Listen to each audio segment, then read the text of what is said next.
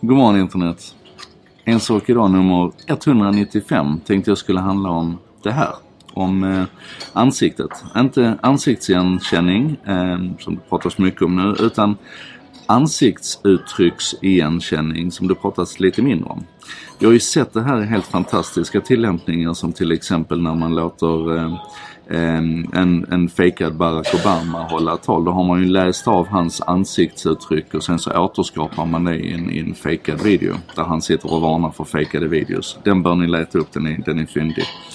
Men många av oss har också konfronterats med det här direkt när vi använder till exempel Snapchat eller Insta Stories där vi också kan lägga filter över vårt, vårt ansikte. Och så gör det filtret olika saker beroende på om vi gapar eller höjer ögonbrynen eller vad vi nu gör.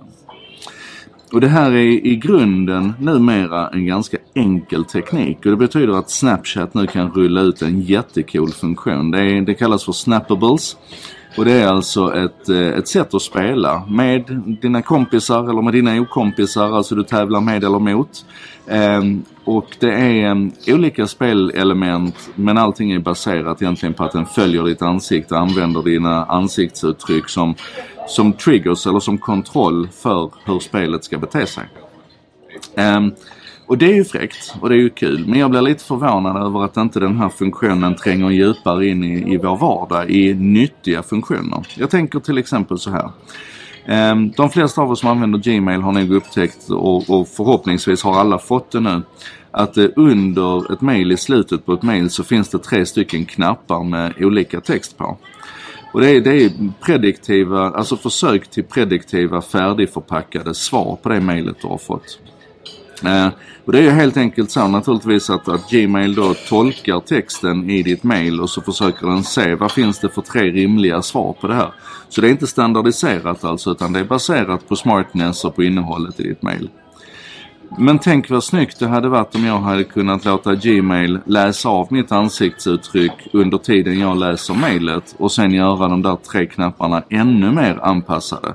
Den hade ju kunnat se min reaktion. Är jag positiv till det jag läser? Är jag negativ? Är jag förvånad? Är jag arg?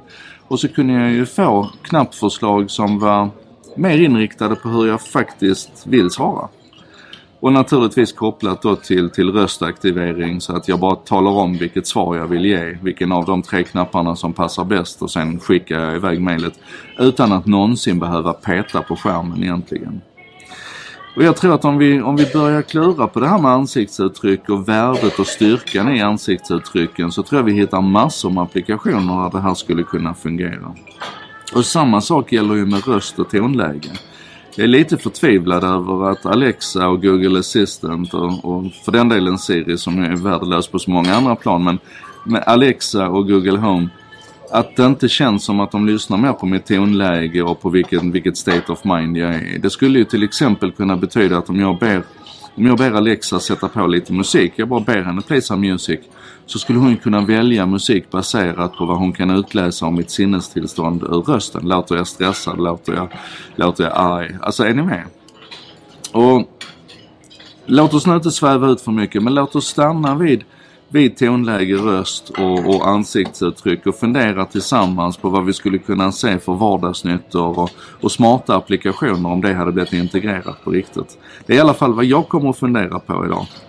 Eh, det här var En sak idag, nummer 195 alltså. Vi närmar oss 200 med stormsteg. Det är producerat av mig Joakim Jardenberg med benäget bistånd av vännerna på Bredband2. Internetoperatören som stöttar det här och som gärna lyssnar när andra snackar.